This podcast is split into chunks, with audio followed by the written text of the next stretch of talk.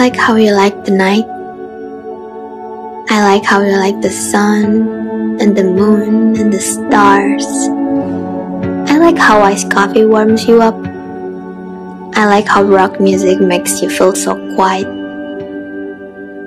I like your weirdness, your complexity, your mystery, your taste, your hair, your broken glasses, your black shoes.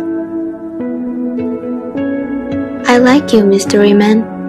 You're such a living color, and I just like you. And um, I think you should know it.